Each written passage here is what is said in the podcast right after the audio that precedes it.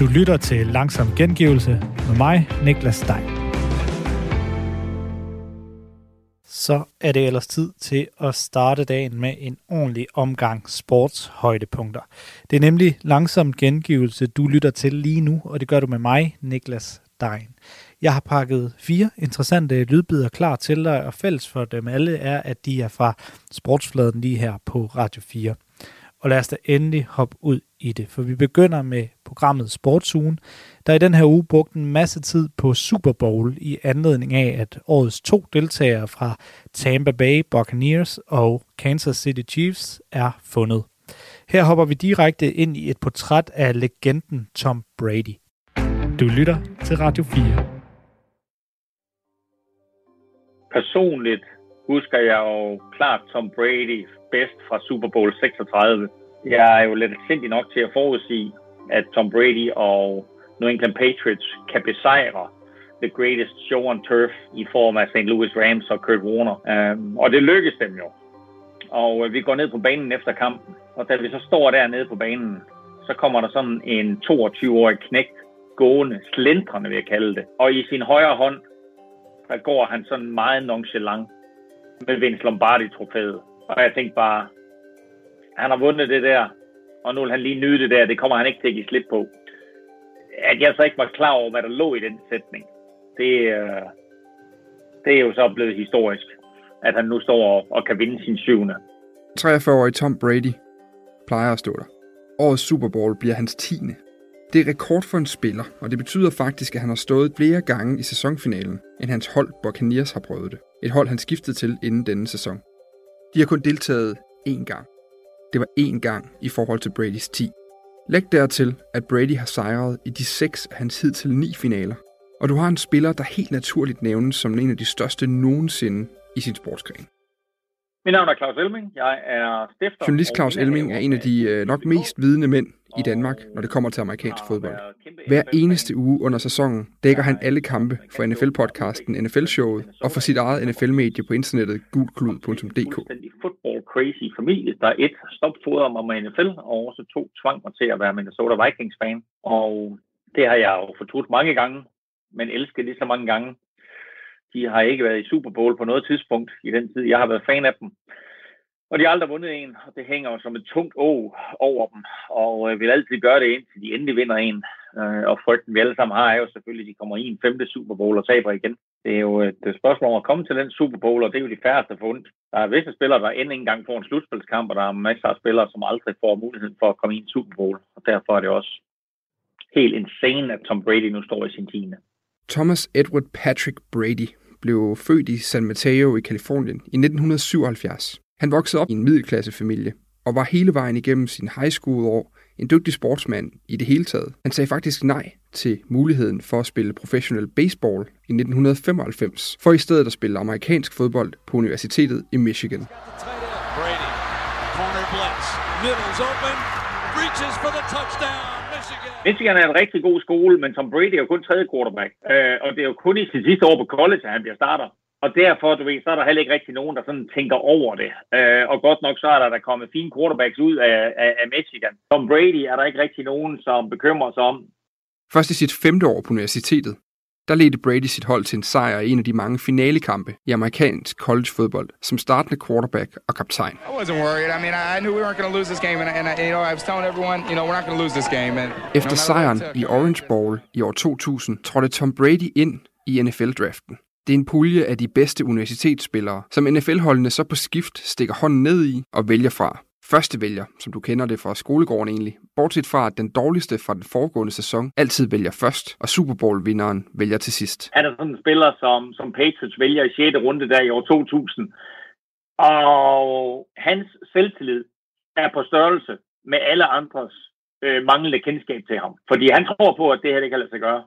Brady har tidligere fortalt, hvordan han overvejede at købe et hus allerede inden han var sikker på en plads i truppen hos Patriots. En selvtillid og en stålfast sejrsvilje, som igennem hele karrieren har kendetegnet Brady, og som ejeren af New England Patriots fornemmede allerede første gang han mødte ham. This skinny beanpole of a young man walked over to me and said, Hi, Mr. Kraft. I want to introduce myself. I'm Tom Brady. I said, I know who you are. You're our six round draft choice. And I always remember he looked me like a laser eye to eye and he said, That's right. And I'm the best decision this organization has ever made. Og alle andre, de skænker ham ikke en tanke. Så det er jo alles kæmpe overraskelse, da Bill Belichick lige pludselig vælger at gøre ham der øh, 6. runde picket fra sidste år til starten af quarterback. Brady blev i New England matchet med træneren Bill Belichick, der også regnes for en af de største trænere i NFL's historie. Og det match skabte et sejrsdynasti for Boston-holdet. Men hvad er det så, den ellers sådan relativt middelmådige universitetsquarterback egentlig er eller blev så god til? For at forstå det, så skal man først forstå hans position, Fra amerikansk engelsk quarterback quarterbacken. er quarter, kvart og back bag, fordi spilleren er placeret mellem forwards og halfbacker. Når det så er sagt, så er der ikke nogen position i sport på noget niveau, der er lige så svært at spille, som det er at spille quarterback. Først og fremmest er det selvfølgelig holdsleder. Øh, Han er, han er trænerens forlængede arm på banen, og han er også øh, spilstyren for de andre 10, der er på angrebet. Mange de ser kun øh, alt, det, alt det glorificerede ved at være quarterback. Det er ham, der tjener flest penge. Det er ham, der har den lækreste kæreste. Det er ham, der har den fedeste bil. Det er ham, der har det største hus. Det er ham, som er på forsiden af de kulørte blade. Men det, man ikke tænker på, det er, at når det går godt, så er du helten. Når det går skidt, så er det dig, der er skurken. Og efter sådan en kamp eller efter en sæson, så har du ondt i samtlige knogler, muskler, led, øh, og i visse tilfælde også øh, i, i, i, hvad hedder det, hovedet og de hjernerystelser, der måtte følge med. Det er en fuldstændig vanvittig brutal sport, det her. Og quarterback-positionen er en af de mest udsatte. Brady in trouble. Here comes the rush, and here's the hit. And alive. Så det faktum, at han stadigvæk står derinde som 43-årig og øh, tager de tæsk, som der følger med, det er også en, en kvalitet, øh, som man slet ikke kan undervurdere, hvor vigtigt det er, at man er hårdfører. Det er i det mentale, Brady excellerer. Han er stadig hverken den stærkeste, den hurtigste eller den mest ekstraordinære kastearm i ligaen. Han vinder bare bedre end de andre. Han vinder mere end de andre. Det gjorde han dengang, og det gør han stadig 20 år efter hans indtræden.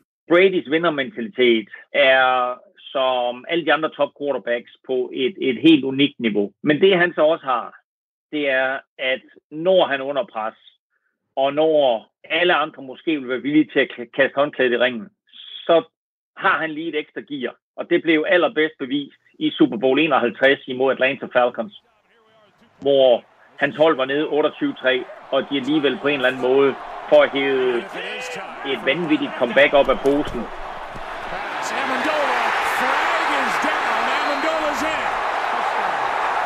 Får taget kampen i overtid og vinder i overtid. Og den måde, han spiller på i de sidste 18 minutter, Tom Brady, er jo noget af det fornemmeste quarterback-spil, der er set i nogen Super Bowl. Don't ever count Tom Brady out. Best ever. Best ever in my book. I said it Og this det er stadig gældende. Også selvom Brady i dag er 43 og en af de ældste i et spil, der slider og gnaver og grinder, som man siger på amerikansk, på spillernes fysik med dets brutalitet og voldsomme taklinger. Brady er selvfølgelig stadigvæk en top quarterback. Han er ikke på niveau med, med Patrick Mahomes, eller måske endda Josh Allen eller Aaron Rodgers. Men han er stadigvæk der, hvor hans erfaring og hans evne til at tage de rigtige beslutninger, til at få sine holdkammerater i de rigtige positioner, til at vide, hvornår der skal trykkes på gaspedalen, og hvornår man kan tillade sig at slappe af. Det er noget, du kun får ved at have spillet meget, og ved at være øh, en rigtig, rigtig klog og dygtig quarterback også. Uanset hvad er Brady umulig at komme udenom, når det gælder samtalen om de største spillere i sporten nogensinde. Han er et stadig spillende ikon. En underdog-historie, som kun virkeligheden kan skrive dem med en vis portion troværdighed intakt. Spørgsmålet er, om han i sit tiende forsøg skal tage sin syvende sejrsring i Super Bowl. Kampen spilles på hans nye hjemmebane i Tampa, Florida, mod det måske mest suveræne fodboldhold i de her år, Kansas City Chiefs. Buccaneers har samlet et rigtig, rigtig godt mandskab gennem de sidste 3-4 sæsoner. Det er altså Kildesal var quarterbacken, og nu er Tom Brady kommet ind. Og det han bringer spillemæssigt, og det han bringer mentalt, er forskellen på 2020-udgaven og 2019-udgaven. Og det er også derfor, de nu står og skal spille Super Bowl på hjemmebane. Vinder han den? Vinder han Super Bowl er trods alt et rimelig kort spørgsmål, der kræver et rimelig langt svar. Hvad der er sikkert er, at Brady er lige der, hvor han har det bedst. I underdog-rollen. Og historien om Tom Brady blev fortalt af Dan Grønbæk, og det var med hjælp fra NFL-eksperten Claus Elming, og så var der i øvrigt arkivlyd fra både NFL Networks, CBS Sports, Fox Sports og ABC News.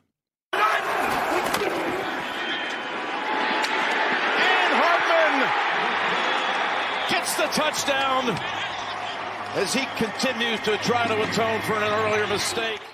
Og det vi hørte her, det var som en, en touchdown fra Kansas City Chiefs i conference-finalen mod Buffalo Bills, og det var i weekenden, og det var fra NFL's officielle YouTube-kanal. Nu skal det så handle en smule mindre om øh, Brady, men en masse om Super Bowl. Det bliver altså Tampa Bay Buccaneers og Kansas City Chiefs, der støder sammen i den 55. 20. Super Bowl, og det er den 7. februar, og det står klart efter weekendens conference-finaler. Og til at gøre os klogere på, hvad det egentlig er for en størrelse Super Bowl er, øh, det har vi nu Jeppe Dong Abrahamsen med til at fortælle os om. Han er journalist på Politiken, og han er forfatter til bogen Touchdown 100 år med NFL, der er udkommet på forlaget Momenta. Super Bowl er jo så stort, så de fleste sportsinteresserede helt heromme i Danmark står sent op om natten for at kigge med. Øhm, Jeppe Dong Abrahamsen, har Super Bowl altid været en meget stor begivenhed? Altså, det har den ikke. Øh, da den øh, første blev spillet tilbage i øh, 1966-sæsonen, der var der faktisk over 30.000 øh, tomme tilskuerpladser på øh, Los Angeles Coliseum, hvor kampen blev spillet. Øh, sådan støt og, og roligt vokset i, i, i omfang øh, siden da, øh, og nu er det jo det, man kalder verdens øh, største endags sportsbegivenhed. Øh, der er flere årsager til, at øh, den er vokset øh, så kæmpestor.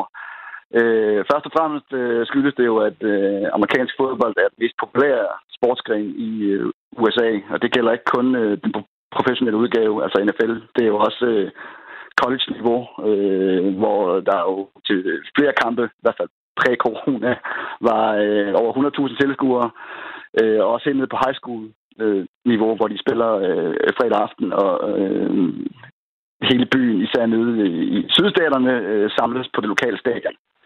Øh, I lang tid var Super Bowl også utrolig ensidig, så sådan en sportslig dimension, øh, der var der måske ikke så, så meget øh, spænding. Det var sådan ofte givet på forhånd, hvem der, øh, der ville vinde. Øh, slutkampen er jo sådan en, en, øh, et opgør mellem vinderen af det, der hedder AFC-konferencen, og så det, der hedder øh, NFC-konferencen. Og de to konferencer var øh, i øh, kvalitet øh, vidt forskellige i, i, i mange år.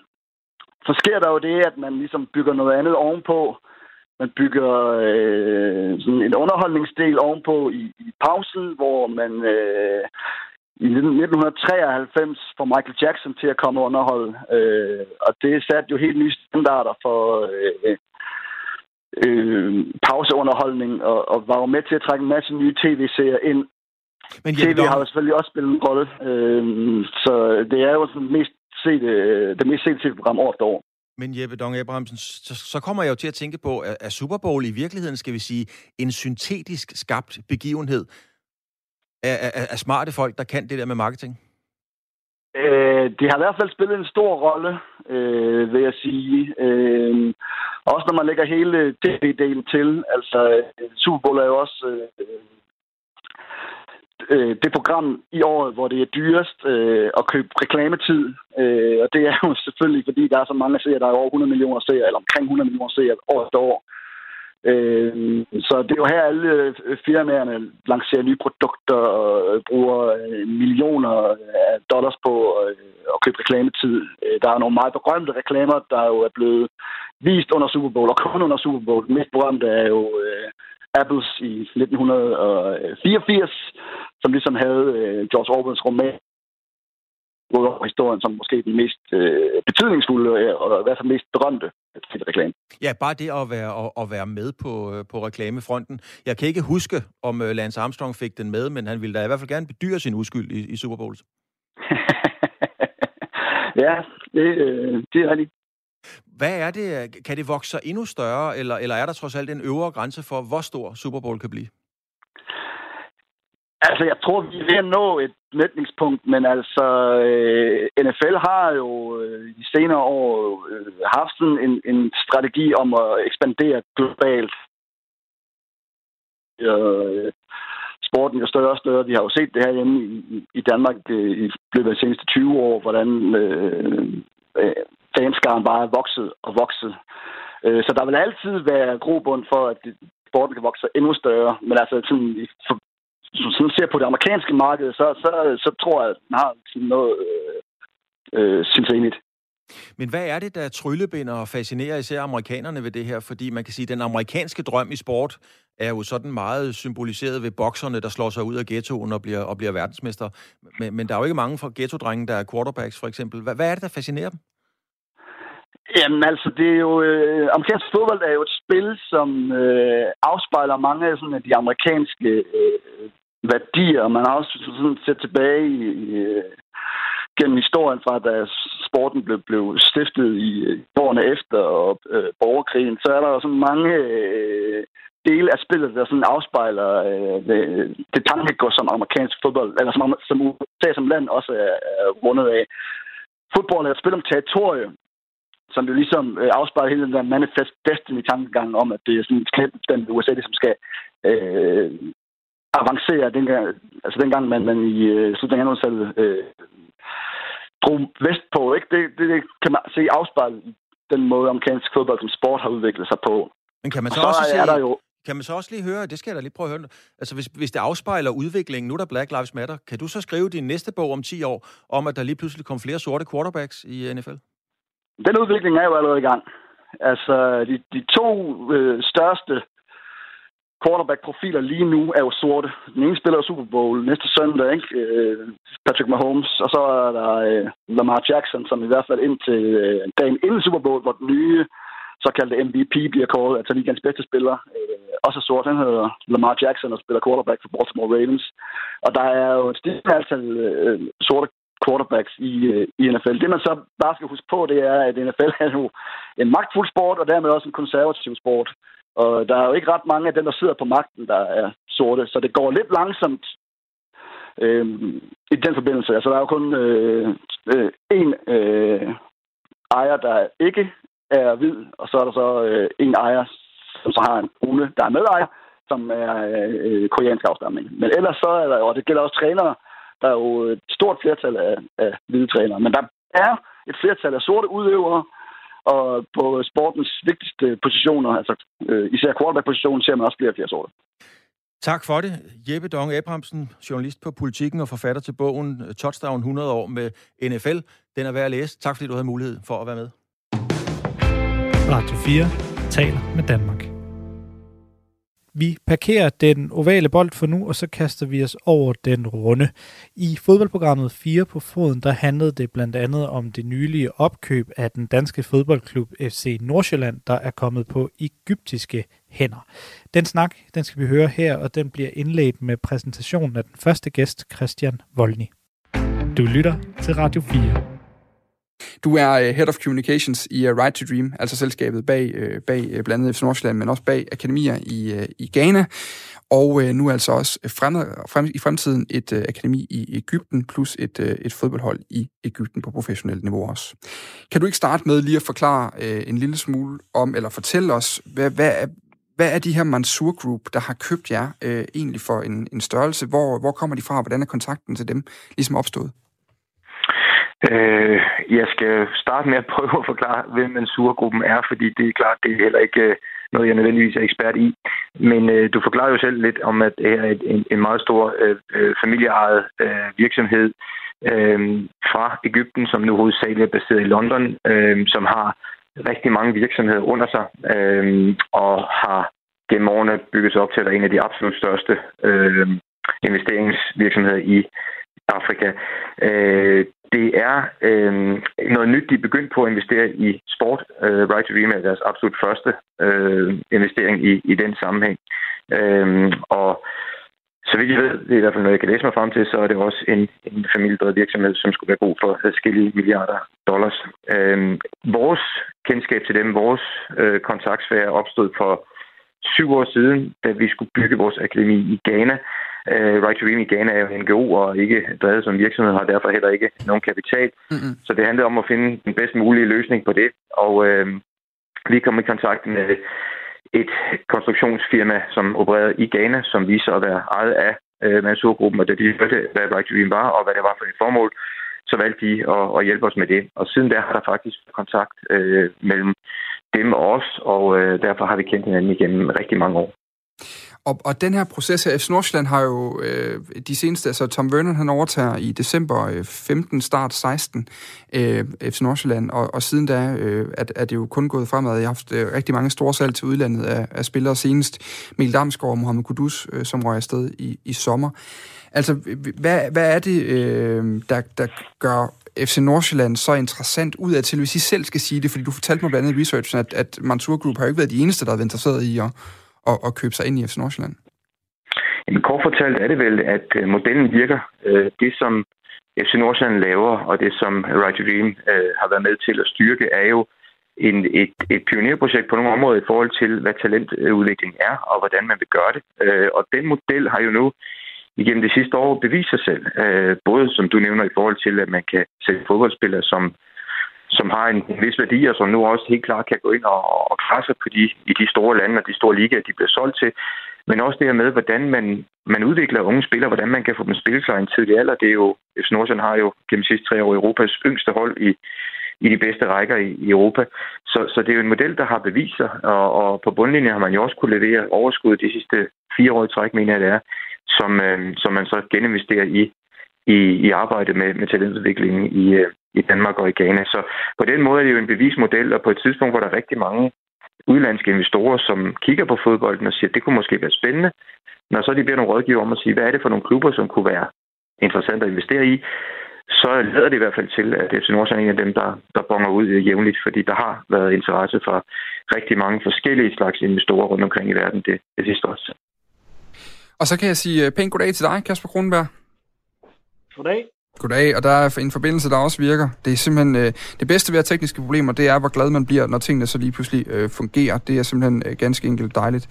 Du er øh, medstifter og øh, chefredaktør på, øh, på mediet Off the Pitch, et øh, engelsksproget, men øh, dansk baseret medie, der beskæftiger sig rigtig meget med økonomi i, i, i fodbolden og ejerskaber og, og erhvervs, altså branchen fodbold, kan man sige.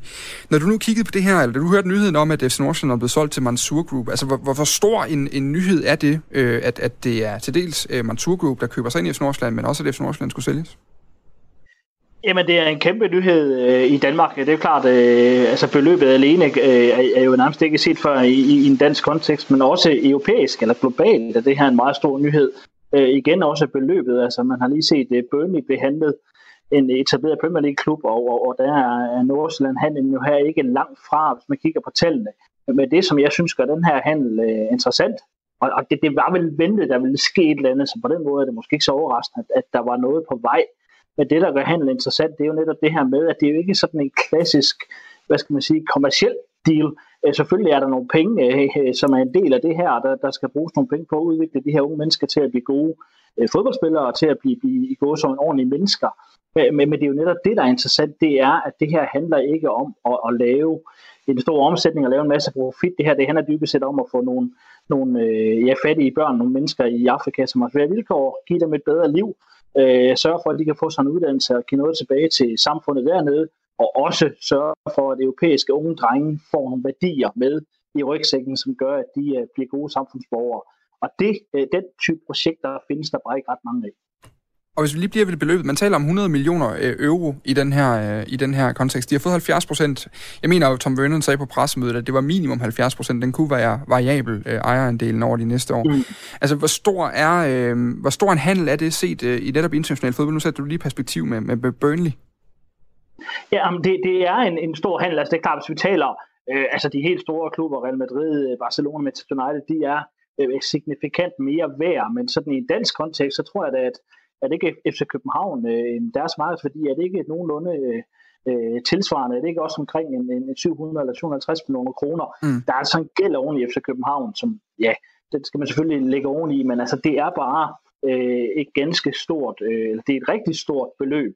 Og, øh, og, og, og igen synes jeg, altså en ting er, hvad skal man sige, de der klassiske multipler, hvor man kigger på, jamen, hvad er hvad er 750 millioner kroner i forhold til, hvad Nordsjælland gennemsnitligt laver som driftsindtjening, eller hvad det laver på bundlinjen over for år. Det, det, jeg tror igen her, er der nogle andre parametre, der spiller ind, når man skal værdifastsætte virksomheden, fordi det handler mere om, jamen, hvordan kan vi få sat noget, noget fart, altså noget benzin på den her motor, mm. som kan gøre, at vi kan udvikle endnu flere dygtige fodboldspillere, endnu flere mennesker, få endnu flere mennesker til at få en uddannelse. Så sådan de der klassiske, hvad skal man sige, kommercielle, finansielle termer, de er sådan lidt taget ud af det her, fordi formålet er noget andet, øh, i hvert fald som jeg har, har forstået det. Og grund til Kasper også er med, det er, fordi øh, Kasper Brunberg har interviewet Tom Vernon øh, flere gange, og også øh, fulgt øh, Nordsjælland-projektet tæt. Nu kan jeg så også sige øh, pænt goddag til dig, Oscar Rothstein. God aften. Kan du høre mig, Oscar? Det kan jeg. Kan du høre mig? Øhm, Oscar, kan du ikke lige, altså du er idehistoriker, så er du også øh, journalist og har, øh, har derudover øh, beskæftiget dig rigtig meget med, med det afrikanske kontinent, øh, både kulturelt og, og samfundsmæssigt i din, i, din, øh, i din journalistik og i dine beskrivelser. Kan du ikke prøve, at, nu, nu var Kasper lidt inde på nogle af de økonomiske perspektiver, der hvis vi kigger på de kulturelle og de samfundsmæssige perspektiver, hvor interessant er den her handel så? Jeg skal lige være helt sikker på, om I kunne høre mig inde i studiet. Det kan vi i hvert fald. Nu kan jeg. Okay, altid. Super.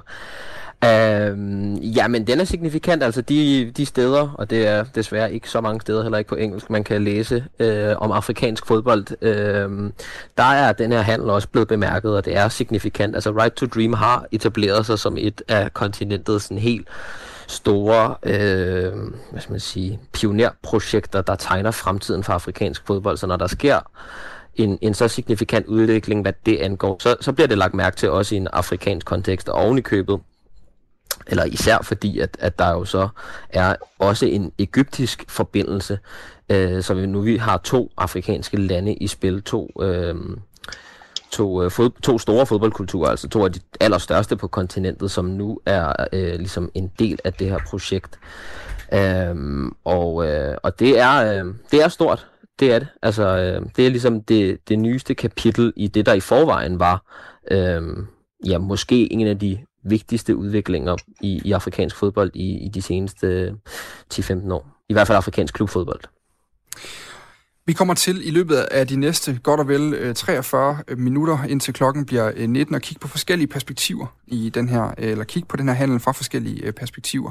Og, og vi skal starte med lige at kigge lidt på det sådan mere businessagtige, det økonomiske i, i handlen, og, og hvorfor den er interessant. Mm, Christian Vold, jeg vil gerne lige vende tilbage til dig, fordi noget af det, øh, vi også har talt om tidligere, det er som sagt, der har været massiv interesse for, for FC Nordsjælland, for det, for det projekt, I har, I har lavet, ikke mindst i, i Right to Dream også. Hvor, hvad, hvad har I ligesom brugt af kriterier? Hvad har været vigtigt for Tom Burnham, ejeren, men også for øh, FC Nordsjælland som den danske klub i, i det her Right to Dream-projekt, når man skulle, skulle sælges, og når man skulle have en ny ejer? For Tom har det jo hele tiden været hans vision, som har drevet øh, hans livsværk, som jo er Right to Dream og de sidste fem års FC Nordsjælland, at, at den model og den vision skal, skal udbredes. Og, og der øh, tror jeg, at han føler, øh, det gør vi vel alle sammen, at FC Nordsjælland er kommet langt øh, i den periode, hvor han har været der. Men han har jo også øh, på, med, med al tydelig øh, kraft mærket, at hvis du skal udbrede den, så koster det penge. Øh, det koster penge at bygge akademier, det koster penge at drive akademier, og, og det setup, der har været indtil nu med Akademi i Ghana og en fodboldklub i Danmark og Akademi i Danmark, har jo kunnet hænge sammen med det setup. Men hvis du vil bygge mere, hvis du vil have mere og, og udbrede det her, så flere unger kan komme i, i, i kontakt med, med, med Right to Dream, så kræver det investeringer. Og, og, og vi skal også huske på, at, at det er under halvdelen af, af de børn, som, som er en del af Right to Dream rundt omkring, øh, og som jo får finansieret alt øh, fra skole og træning og bolig og det hele, øh, det, det koster penge, og halvdelen af dem bliver jo ikke fodboldspillere. De bliver jo, der er jo også piger involveret, som typisk vil ende med at komme til USA sammen med mange drengene og blive uddannet der.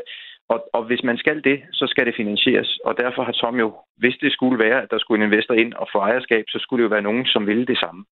Og det, det har han jo fundet i i Mansurgruppen. Øh, og, og det har jo selvfølgelig været det, det afgørende for ham, fordi de andre investorer, øh, det er mit klare indtryk af dem, har han slet ikke været i, i nogen som helst form for længere dialog med, når det har handlet om at købe en fodboldklub og ikke andet. Noget af det, der øh, også er blevet spurgt til, der er også blevet artikler efterfølgende, blandt andet BT har haft nogle artikler omkring øh, Mansur Group og deres øh, både deres øh, nogle forskellige øh, historier fra, fra Storbritannien, hvor de har støttet på forskellige måder, man mener, der har været problematisk. Der har været noget med, at de var med i Panama Papers. Der blev på presmødet også spurgt ind til deres, øh, om et af deres selskaber havde, havde, havde et, øh, et, et, øh, base på Cayman Islands, der også er kendt som et, som et skattely. Altså når man skal ud og vælge investorer, og ens projekt er så værdidrevet, som Right to Dream har været, som FC Nordsjælland har været, hvor, hvor, øh, hvor vigtigt har alle de her ting så været i at, at få undersøgt det helt til bunds? Fordi vi taler om Mansour Group, som er, du var selv inde på det tidligere, en, et konglomerat med virksomheder i mere end 100 lande, og, og jeg mener, de skriver selv, at de har over 60.000 medarbejdere på, på verdensplan, og, og en omsætning på, på, på, ja, jeg mener, det er nogle af 40 milliarder dollars om året. Ja, det, øh, det ender jo med i den sidste ende at være en, en beslutning, man skal træffe. Øh, og den træffer man jo ud fra, hvad man selv mener og selv føler og selv tror.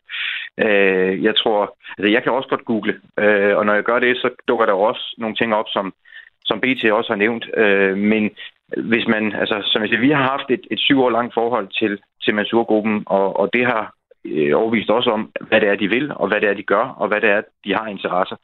Øh, de er, hvis man googler efter øh, andre ting, så vil man også kunne se, hvor meget de, de gør for kvinderettigheder i Ægypten osv. Men, men altså, vi må bare konkludere, at, at øh, der er ikke nogen af de instanser, der findes, eller myndigheder, der findes i de over 100 lande, hvor at Mansur-gruppen døver forretninger, som har synes, at der var nogen grund til at dømme den for noget som helst. Og, og, og det er jo det, vi kan forholde os til. Øh, og så det kendskab, vi selv har til dem, øh, og den måde, de har øh, samarbejdet med os på igennem mange år nu. Og det har gjort, at vi som jeg tror også bestyrelsesformanden Jan Larsen sagde, har ro i maven. Øh, men øh, når man har 60.000 ansatte og over 100 forskellige virksomheder, så, øh, så er det så godt som umuligt for os at skulle have styr på dem alle sammen. Jeg vil da håbe, de selv har det, og det tror jeg også, de har. Mm.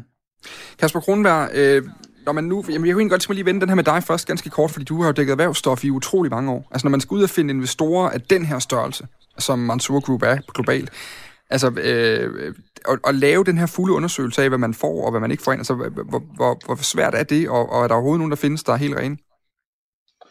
Øh, altså, det er utroligt komplekst. Øh, I er jo selv inde på det her, hvor stor en virksomhed det er.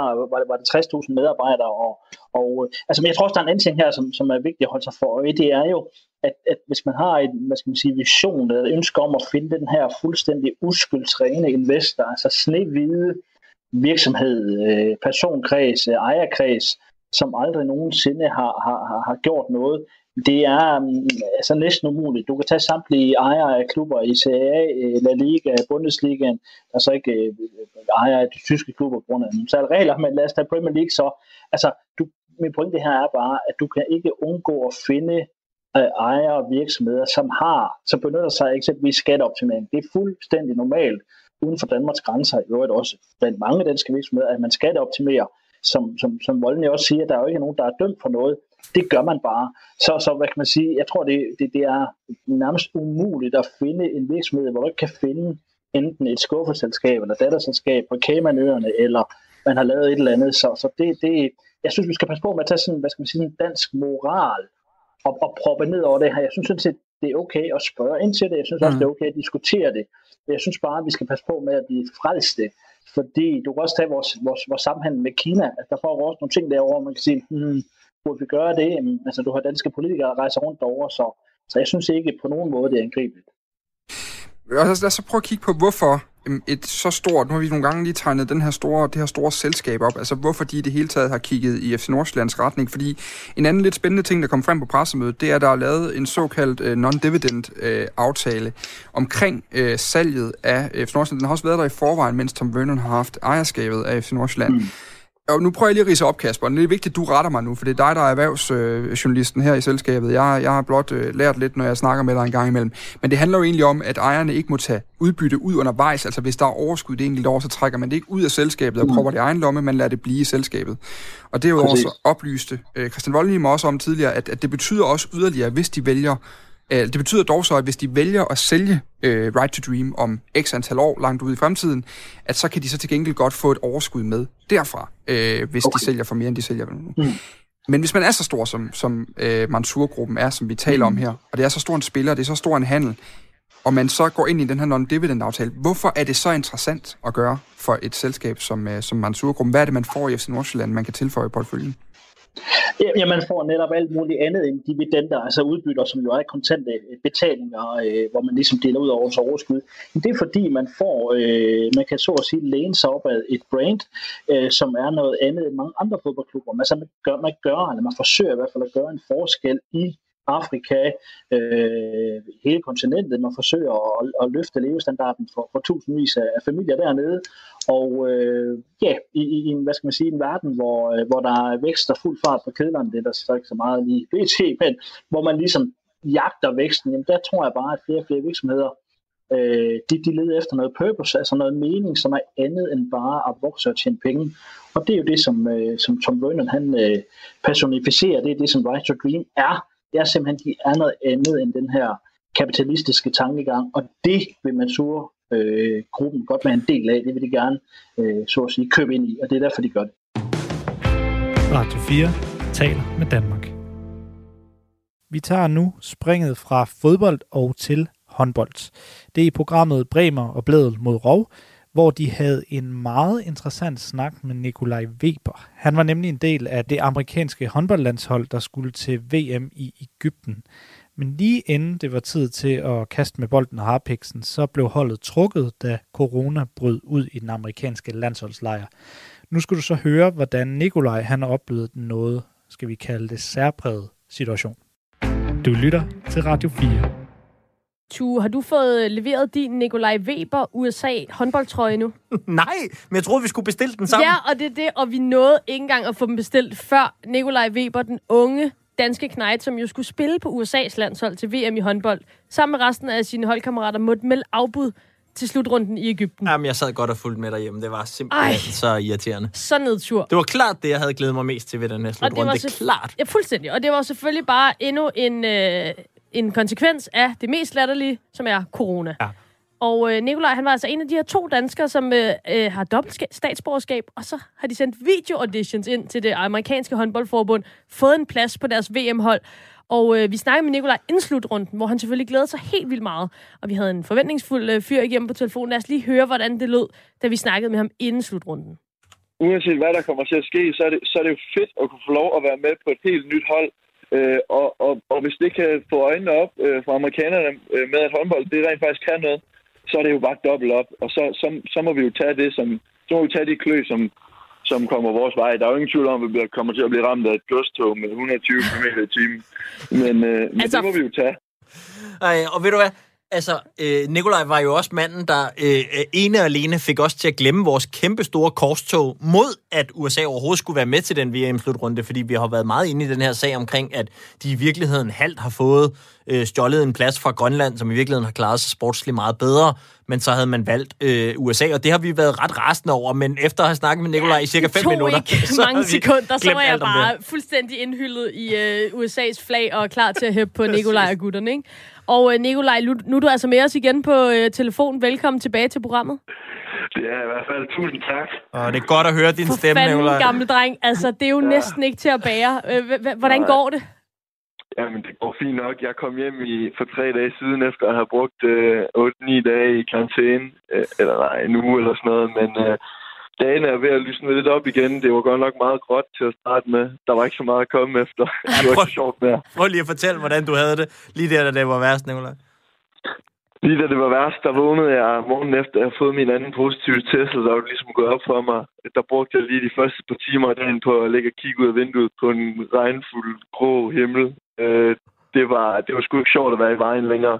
Øh, og det var ensomt. Jeg havde ikke nogen roommates længere. Øh, så jeg lå bare og kædede mig og, ærede mig. Ej.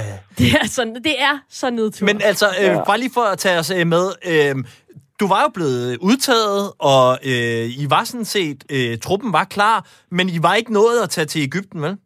Nej. Der sker det, at øh, vi får spillet en rigtig fin uge, og vi træner jo bare så meget vi kunne. Og, øh, Altså sammen? Så, øh, truppen? Hvorhenne? Jeps, sammen. Vi, træ, vi trænede ude i vejen, så 20 minutter fra, hvor jeg bor, så det var jo det var også vanvittigt.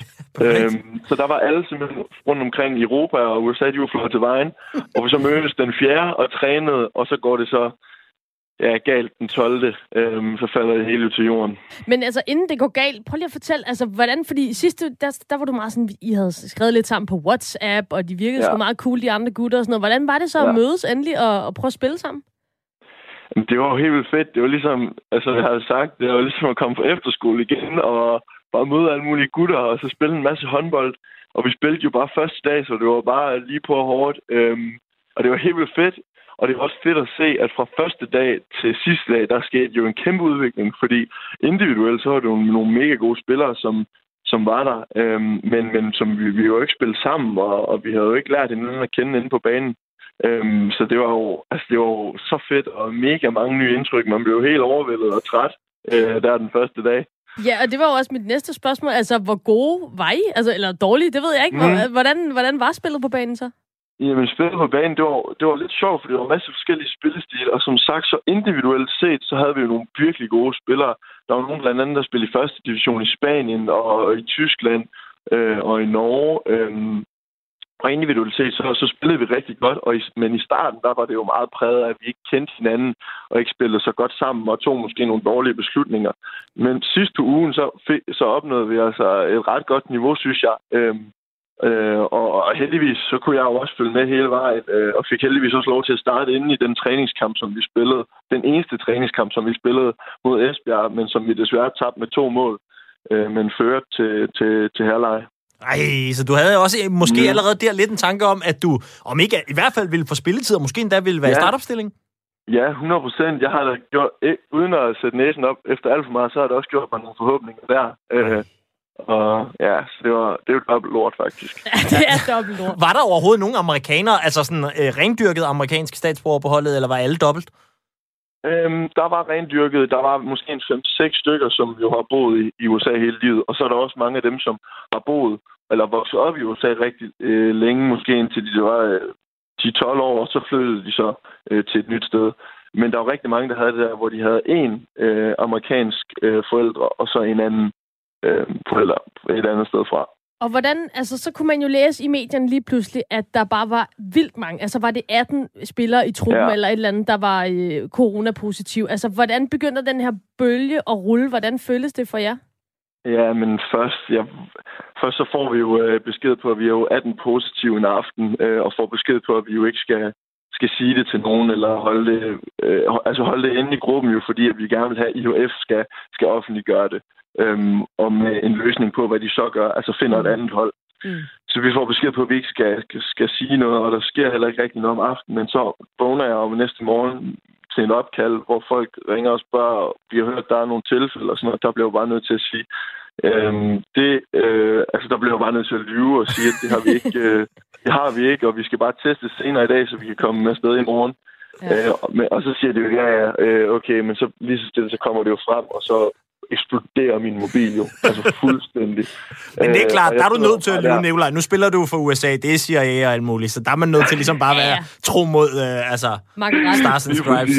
Ja. Lige præcis. Men ja, det eskalerer hurtigt, og og, det, og, og med, med min positive test, så, så jeg ved jo udmærket, jeg ved jo ikke, hvad, hvad det betyder, altså officielt, men jeg har da en idé om, at om, så kommer vi da ikke afsted, fordi ja. vi er så mange, og vi kan jo ikke stille hold. Men jeg er da glad for, at vi tog den beslutning, om vi ikke skulle afsted, for det er da fuldstændig uansvarligt at tage ned, men det er jo selvfølgelig, det er jo hjertes gerne.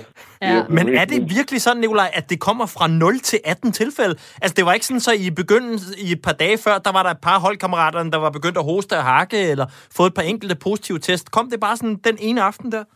Der var en af vores, øh, ikke, ikke assisterende trænere, men, men en, der også var inde omkring holdet med, med medier og sådan, forsøger at formidle det videre tilbage til USA mm. øhm, gennem nogle sociale medier. Han blev faktisk positiv tre dage før os andre, men der, altså, der holdt vi jo bare forholdsregler. Han blev isoleret med det samme, og han, mm. har, han var jo ikke inde og spille, så han har jo ikke gået og blandet med os, Nej. og har jo haft munden på hele tiden. Og, og, så begyndte vi at spise hver for sig, og vi begyndte jo, vi tog jo big tests hver dag, øh, som alle sammen bongede ud som negative, og vi tog PCR-tests, som også var negative. Og så lige pludselig så får vi jo den der besked. Øhm, og, og, og, vi ved jo ikke, hvor det kommer fra. Vi får besked på, at tre dage senere, så er en af de der Esbjerg også positiv. Så, så vi har ingen idé, om det kommer derfra, eller, eller om det er os, der har givet dem det, eller, eller noget. Øh, men vi får at vide den aften, vi skal mødes nede i, nede i, øhm, i mødelokalet, og så spørger Robert jo også, hvordan vi har det. Og alle har det jo fint. Der er jo ingen, der fejler noget. Og så viser han jo den der tabel med, at 18 er, er positiv. så det var mega surrealistisk og mega frustrerende. Man kunne ikke forstå det, for jeg kunne ikke mærke noget Og hvad- overhovedet. Men I sidder simpelthen sammen, alle sammen i samme lokale, da I får beskeden, nu er vi alle sammen syge, og det ligesom går op for jer. Altså, hvordan er stemningen til sådan en møde der? Stemningen er bare sådan, folk ryster på hovedet og kigger bare fuldstændig forvirret og håber på, at lægerne på vores hold kan sige et eller andet, at det, der må være sket en fejl. Altså, der er jo ikke nogen, der kan forstå det, fordi også lægerne, de har heller ikke hørt noget lignende, hvor der lige pludselig bare var 18 positive. Øhm, og, og alle, jamen, der bliver jo ikke sagt så meget. Øh, alle er jo mega frustrerede, men også forvirrede, men vi tager jo action på det, vi får at vide, så der man får jo ligesom deres eget værelse, og så går vi bare i seng med det, og vågner jo også helt uviden om, hvad der skal ske, øh, hvor vi bare ligger på værelset hver især, og ikke rigtig kan snakke med hinanden. Det er sindssygt. Og øh, altså, øh, Nicolaj, hvad, altså sidst vi talte med dig, der var du sådan lidt inde på, Mhm. at du nærmest havde lagt håndbolden en lille smule på hylden, inden den her mulighed Mhm. opstod. Men hvad, hvad nu? Altså, nu er du landsholdsspiller lige pludselig. Ja, ja nu, nu er der i hvert fald kommet nogle muligheder derigennem, og jeg håber da også, at vi skal mødes på et eller andet tidspunkt, og jeg er så også med der, fordi altså, jeg har da, jeg har da interesse i at blive ved med at spille håndbold nu, og håber, at jeg kan komme ud og spille i, i KF. Øhm, nu skal jeg nok lige sunde mig lidt oven på, på den her, ja. på den her mavepuster, men, øhm, men så tænker jeg da, at jeg skal i gang igen. Om du, Øhm, du er håndbold. noteret for en træningskamp. Det skal vi også holde fast i. En Ja, ja. landsholdstræningskamp, ikke? Jeg, jeg har da trykket i landsholdstrøjen. Sådan. Det er Præcis. fint. Hvad nummer vendte du med at have på ryggen? 44. Et 4 for min mor og et 4 for min far. Sådan der, ikke? Hold da op. Ja, det og er der er godt. også historie der. Ej, hvor godt. Og, og hvor mange kasser blev det så til? Øh, jamen, jeg scorede sgu ikke i den kamp. Nej! Okay. Nej, det var ikke godt. Det, det, det glemmer vi lige meget. Videre. Øh, men altså, øh, har I talt sammen på holdet om, altså er I ligesom en sammentømret trup nu, der håber på at gå videre, eller hvad er beskeden også fra det amerikanske håndboldforbund og planen fremover? Ja, jamen nu er det jo Robert, der står med, med, den næste, med det næste move om, hvad vi gør, men vi, altså jeg er stadigvæk i kontakt med nogle af de der drenge, og hvorom alt er, så er det i hvert fald fundet nogle mega gode relationer. Øhm, og, og, og det er jo også, øh, altså det er jo mere på gensyn, når vi ses, end, det er farvel. Øh, I hvert fald fra alle drengene, og også fra staben, de mener også, at ja, nu tager vi jo den her, og nu byder vi det jo bare i os, men så må vi jo bare komme igen. Men, øh, men den ligger ved Robert, hvad der skal ske nu. Øh, og, og hvornår vi eventuelt skal mødes igen. Nikolaj, øh, en par sidste kommentarer herfra. Øh, Vi håber selvfølgelig, at I skal mødes igen, øh, og I kommer til at snakke om andet, end øh, I skal dele Mhm. historier om senfølger øh, af at have været coronasmittet. Øh, og så øh, kunne vi godt tænke os, hvis du øh, kunne sende os... Altså, nu har du kun én landsholdstrøje. Så derfor, mm. ellers ville jeg have været fræk og bede om at få den landsholdstrøje. Men, men nu kan jeg godt høre, både mor og far står før mig i rækken. Ej, den skal op men, et, jo. men vi kunne godt tænke os du- et billede af dig med den på. Kunne du ikke sende det ind til os? Okay, det kan vi godt finde ud af. Det lyder godt. Det skal jeg gøre. Og så hold os lige underrettet øh, næste gang, der sker et eller andet på øh, landsholdsfronten, ikke? Det gør jeg. Det er smukt. Så hører I fra mig. Ja. Det er super. Godt, Tak, vi snakkes. Nikolaj. Hej du. Selvfølgelig. Hej. Radio 4 taler med Danmark. Så er vi så småt klar til at runde af for i dag, og det gør vi med fremkaldt. Ugens gæst, det var tidligere håndboldmålmand og nuværende sportschef hos e-sportsholdet Astralis, Kasper Witt. Her der træder vi ind i snakken, hvor det handler om konkurrence mellem kolleger. Du lytter til Radio 4. 3, 2, 1. Danmark er Europamester 2008. Den første guldmedalje er hjemme. Hey! Sejr over Kroatien på 24-20. 24-20, og det var jo så øh, Thomas Christensen og Bent Nygaard, mine tidligere kolleger fra, fra TV2. Øhm, det her med, øh, med, med performance, altså hvis, hvis vi lige kigger øh, lidt ind i håndbolden, Kasper, så, så er der jo øh, tre rigtig dygtige målmænd lige nu, og du var selv, jeg ved, din beskedenhed forbyder dig at sige, at du var den bedste, men du vil godt være med til, at du er i hvert fald en af de bedste. øhm, Ja. hvad, hvad er det, der sker, når, når man... Fordi man er jo både Øh, man er jo både konkurrenter, fordi jeg går ud fra, med sådan et vinderinstinkt, som man har for at være der, så vil man jo gerne stå inde på stregen og starte inden. Men omvendt er der jo også en kæmpe vidensdeling. Hvad er det for nogle mekanismer, der er i spil, øh, når der er tre så gode målmænd? Uh, altså man kan sige lige netop, hvis vi tager de tre her, der er jo ikke nogen tvivl om, at Niklas han er nummer et. Uh, og det er nok også meget smart, at rolle, det, rolleafklaringen den ligger klar, uh, inden de er taget afsted, ikke? Uh, de to andre skal kæmpe om det. Øh, jeg, jeg tror, øh, altså, de hjælper hinanden helt klart og øh, supplerer hinanden, men man må også sige, at det er tre meget forskellige målmænd, både øh, sådan alder og øh, statur og teknik. Så, så jeg, jeg ved ikke, hvor meget de egentlig hjælper hinanden. Altså, de hjælper jo hinanden øh, i det omfang, at de er til stede, og alle tre har leveret godt, ikke? så Niklas kan være tryg ved, hvis ikke han står godt. Øh, så en af de andre, de skal nok øh, komme ind og, og klare det mindst lige så godt, som, som jeg har gjort det. det. På den måde kan de hjælpe hinanden. Man kan sige, øh, det virkede som om tidligere, hvor, hvor Niklas i, i en del slutrunder i træk havde haft Janne Gren med som makker, der har de jo nok fået udviklet øh, en, en form for husk lige, at øh, når du går lidt længere ind i målet, altså små detaljer, så er det altså sjældent, du redder. Jeg ser, at du er meget defensiv. Øh, det kan man godt blive som målmand, hvis der er gået på bold ind i træk, så går man længere og længere ind i målet, og man får svært og svært ved at redde boldene. Så kan den, hvis man kender hinanden meget godt, så kan, kan målmanden ude på bænken lige sige, altså, ikke være bange. Næste bold ud i hovedet på dem, frem i målet. Det er der, du fylder noget. Ikke? Små detaljer, altså være oppe i helikopteren, kan man sige, øh, og se sådan det taktiske tilgangen til, hvordan man egentlig skal redde boldene. Sidder den lige i skabet, eller er den, har den rykket sig lidt, fordi der er, der er sket, der er gået nogle bolde ind i træk eller sådan noget. Ikke? Sådan kan målmændene hjælpe hinanden, men der tror jeg bare, at de, den trio, vi har afsted nu, de har ikke været afsted nok gange sammen til at, at have den feeling med hinanden endnu. Men jeg lagde mærke til, øh, Kasper, da, da, da du spillede altså ofte, hvis du så lige måtte en tur på bænken, det skete jo da trods alt en gang imellem, at så kunne du godt gå ud og, og give målmanden et godt råd, og ligesom gestikulere og kigge ned om højre fod, eller hvad du nu sagde. Altså den der vidensdeling, er, er det en speciel dansk ting? Altså gjorde I også det i Barcelona, eller sad man bare og ja, det på gør, det gør man. Ej, nej, det gør man overalt. Altså, øhm, der er jo meget med, hvis man lige har været øh, inden på, lad os sige, en eller anden skulle have scoret fire mål i træk, ikke? og det, der er, man har en klar årsag til det. Man kan bare ikke løse det. Øh, altså, de gode skytter, de får øh, hele deres skudafvikling til at ligne, når, ham her, når jeg gør det her, så skal jeg selvfølgelig skyde venstre ned, lad os sige det for målmanden. Mm, så ens hjerne er i gang med at sige, så nu bliver det jo venstre ned, men han skyder hele tiden til højre. I sidste sekund kan han ændre en eller anden lille detalje, og det går jo så ret stærkt, skal siges, fordi fra en eller anden hopper op til, han har sluppet bolden, der går et splitsekund, ikke? men der når man alligevel at observere ret meget som målmand. Øh, der, er det, der kan man jo godt gå ud til den anden og sige, at han får det altså til at se ud, som om det skal være et skud til venstre fod, men de sidder hele tiden i højre. Vær lige opmærksom på det. Så målmandene kommer ind, ikke også bliver snydt to gange, før man begynder at observere det. Så er hele holdet blevet snydt seks gange, kan man sige. Men det... Så det er jo sådan nogle små detaljer, man får. Men Kasper, den vidensdeling der, og, og man kan sige, at vidensdeling, det lyder jo som noget helt naturligt, men det er jo ikke noget, der bare foregår på alle arbejdspladser, når man kommer ind. Jeg er ikke sikker på, at alle sælgerne i en virksomhed fortæller de nye sælgere alle de gode tricks. Er det sådan noget vidensdeling, du har kunne forklare de unge mennesker? Fordi det er jo ikke nødvendigvis en del af deres vokabularium. Øh, I e-sport, mener du? Ja. Ja, men der kan man sige, øh, ja, i, i den grad, men også sådan, her er der jo, øh, altså det ene spil er det jo sådan noget, at man spiller nogle runder af to minutter, og der øh, kan man så blive skudt, så er man så ude resten af runden. Øh, men der er jo for eksempel det med, i stedet for at sidde og ærger sig og hammer i skærmen, og ikke, var jeg dårlig der, så kan man faktisk sidde og observere spillet, så man kan, i stedet for at blive sur på sig selv, så kan man faktisk hjælpe holdkammeraterne.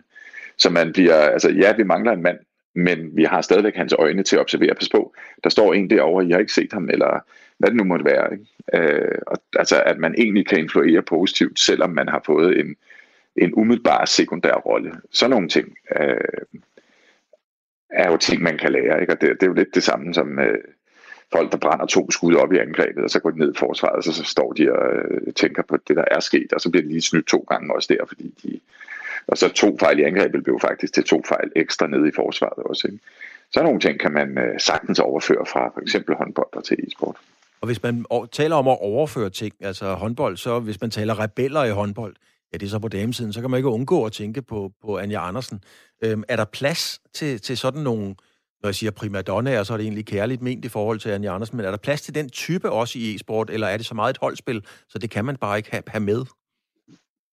Jamen, det er lige så meget et holdspil som og et samarbejde som håndbold er et samarbejde, som det salgsteam, du lige talte om, om den ene sælger videregiver informationer til den anden, som de jo også er et hold, der skal, der skal opnå et eller andet sammen. Fuldstændig det samme. Ikke? Så selvfølgelig øh, alle hold og alle grupper, der skal organiseres i et samarbejde, de har jo deres måde at gøre det på, og, og deres øh, særlige ting fordi at vi mennesker, vi skal bidrage, og vi er alle sammen forskellige. Ikke? Øh, der skal der være plads til nogen, der kan noget specielt. Men det skal jo være inden for en, en fælles ramme, som en leder bestemmer, altså en træner bestemmer, eller en sportschef bestemmer. Altså, vi opererer sammen inden for de her regler, og der kan man så øh, udfordre og gøre de ting, men man kan ikke bare øh, gøre det, der passer øh, en selv, og så glemme at fortælle det til de fire holdkammerater. Så taber holdet jo med næsten 100% sikkerhed. Og det er det samme med et håndboldhold. Ikke? Hvis du står, at vi, vi skal aftale, at vi dækker seks mand flat ved siden af hinanden, og pludselig er der en anden, der bliver ved med at løbe frem, så efterlader nogle kæmpe store huller, som de andre ikke havde regnet med, øh, så er man jo en hemsko for sit hold, og, og modstanderens bedste spiller, kan man sige. Ikke? På det hold, som vi hørte klippet fra før, da vi bliver europamester i, øh, i 2008, jamen der var nogle store egoer, og, og sagt med stor respekt, du, et af, altså, du havde selv et, øh, et meget, meget stort ego. Jeg, jeg mener at kunne huske, at du står i øvrigt i, med en redningsprocent på omkring 40, eller over 40 faktisk, igennem hele øh, turneringen. Har, har de unge mennesker i dag det samme ego, som, som, som spillerne eksempelvis i din generation på håndboldbanen? Ja, det tror jeg helt sikkert, de har. Altså, fordi hvis man nu ser på det, det hold der, øh, øh 8, der det her det var i 2008 i januar, vi vandt EM, og senere på året øh, var vi så til OL i Beijing, hvor Mikkel jo var med for første gang, og øh, året efter, øh, eller var det to år efter, der kom Niklas med for første gang, ikke? Og, og der kan man sige, øh, altså noget Niklas jo blev skudt i skoene, det var, at han var alt for stille, og, og nu ser vi jo en Niklas, der virkelig sprudler på banen og ejer øh, målfeltet, og er den der store general, som folk er trygge ved, når de løber ned og skal dække op. Okay, vi har ham der bag os. Ikke? Så der, man kan sige, at folk udvikler sig jo også, som, som man får nye roller, og øh, hierarkierne bliver, bliver anderledes. Altså, man rykker opad, man bliver ældre, man får mere erfaring, man bliver den, der skal videregive. Altså vidensdeling har du været inde på, den der, der giver de gode råd til de unge. Ikke? Det er det, man selv har været, men så pludselig så ændrer rollerne sig. Så de, de unge mennesker, vi ser nu, lad os sige Gissel, det, man lige nu, øh, der udfører han øh, noget, han får besked på. Men om 5-6 år ser vi det også ham fylde hele banen og være den, hvor øh, det er ham, der bestemmer, hvad der skal ske. Det er ham, der er generalen. Ikke? Sådan er det jo bare, at man kommer ind og har øh, talenter, og sådan, men ikke så meget erfaring, og ikke den helt store position. Og, og senere hen, så, så, så bliver man placeret i den øh, erfaring, og, og med erfaringen endnu mere kvalitet. Ikke? Men hvis man bliver i det her med, med egoerne, Kasper Witt, altså... Øh det er jo ikke, skal man sige, det er jo ikke ydmyghed, der generelt præger de unge mennesker i dag, uanset hvad for en arbejdsplads de møder ind på. Selvtilliden er sgu i orden, for at sige det på den måde. Øh, og nu fortæller du, at Landin, han skulle ligesom pumpes op til at fylde noget mere. Skal man, hvordan skal man gribe de unge an i dag? Skal de, skal de ligesom dæmpes ned, eller skal de også pumpes op, eller hvad er forskellen? Jamen, jeg ved egentlig ikke, om det pumpes op. Fordi Niklas allerede, da han var yndling, der kunne man se, jamen det der, der er potentiale til, at det er den næste verdens bedste målmand. Men han skulle nok også selv finde ud af, at han var god nok til at være der. Altså, det, det der er noget af det svære øh, fra at gå, han, han spillede ude i KFUM, ikke? der er ikke særlig mange tilskuere, ingen kender en, til pludselig at være eksponeret. Alle ser dig. Det er jo ikke bare det at skulle spille håndbold længere, eller e-sport, hvis alle pludselig kender Astralis, og før sad de bare spillet mere eller mindre. Folk siger, gud, e-sport er blevet stort. Nej, det har altid været, de sidste 20 år har det været ret stort. Der er bare ikke så mange, der har fulgt med øh, der skal man jo også lære at leve i det med, at alle lægger mærke til dig. Altså, så udover, du skal fortsat udvikle dig, dine tekniske evner som håndboldspiller eller e-sportudøver, så er det jo det der med at kunne leve i, at alle lægger mærke til det. Alle har en holdning, ej, var han dårlig, eller, og det skal man også lære at leve med, ikke? og det er nærmest som et teaterstykke. Altså pludselig er du faktisk, så opfører du din håndbold eller din e-sport i et teater foran en masse mennesker, øh, i, i håndboldens tilfælde. Øh, to millioner danskere, lad os sige, hvis du er League of Legends, et af de andre spil, vi har, kommer i VM-finalen, jamen så sidder der 210 millioner mennesker og ser den kamp. Der skal du også bare kunne være dig selv og turde fejle og sige, hvis jeg fejler, nå ja. Altså, og det skal man altså også lære. Det er en, øh, et, et, et hvad skal jeg sige, præstationsparametre. Ved siden af teknikken, så er det at kunne leve i det og være eksponeret. Hvordan gør du det, Kasper Witt? Altså, hvordan, hvordan går du ind og taler med de unge mennesker om, om det? Der sidder 210 millioner mennesker og kigger. Hvad gør du ved dem? Jo, men meget ofte er det jo sådan lidt, altså, hvad er det, man er bange? Næsten alle, der skal ind og præstere, de er jo bange for, altså, har en følelse af, at det kommer ikke til at gå. Eller man sidder og kæmper, jo, selvfølgelig gør det, fordi jeg ved, jeg er god. Åh oh, nej, tænk nu, hvis det går galt. Ikke? Der er sådan den gode og den onde, de kæmper ind i ens hoved. Ikke? Og den usikkerhed der, det er jo den, man skal lære at leve med man ved ikke, hvordan det kommer til at gå. Men jeg har trænet, jeg har forberedt mig, jeg har lavet skuddiagrammer, hvis man er målmand, hvis man er Counter-Strike-spiller, jeg har øh, lavet andet på de andre, jeg ved, hvor de løber hen, jeg ved, at efter 1 minut og 10 sekunder vil han stå der. Øhm, så den der lidt mærkelige følelse af, at det er ubehageligt at stå i det her, fordi alle kigger på mig, og det kan faktisk gå galt. Men det er faktisk også en fed følelse, fordi det er jo der, man gerne vil være. Hvis ikke man var der, så spillede man bare for sjov over i Frederiksberghallen i en øh, serie 4 uh, øh, Old Boys kamp. Øh, det er jo den der, man skal lære at leve med, når usikkerheden kommer med, og den skal være med. Jamen, så lad ham usikkerheden eller hende komme ind ombord i bussen. Velkommen. Sæt dig ned bag i. Jeg snakker lige med dig, når kampen er slut. Jeg skal ikke begynde at diskutere med mig selv. Ej, bare det, bare det ikke går galt, lige inden man løber på banen. Eller sådan. Og det er jo let at sige, og det er hammer svært at udføre. Ikke? Men, men jo flere gange man prøver det, jo, jo lettere bliver det. Hvis man, er, hvis man er opmærksom på det. Du lytter til Radio 4.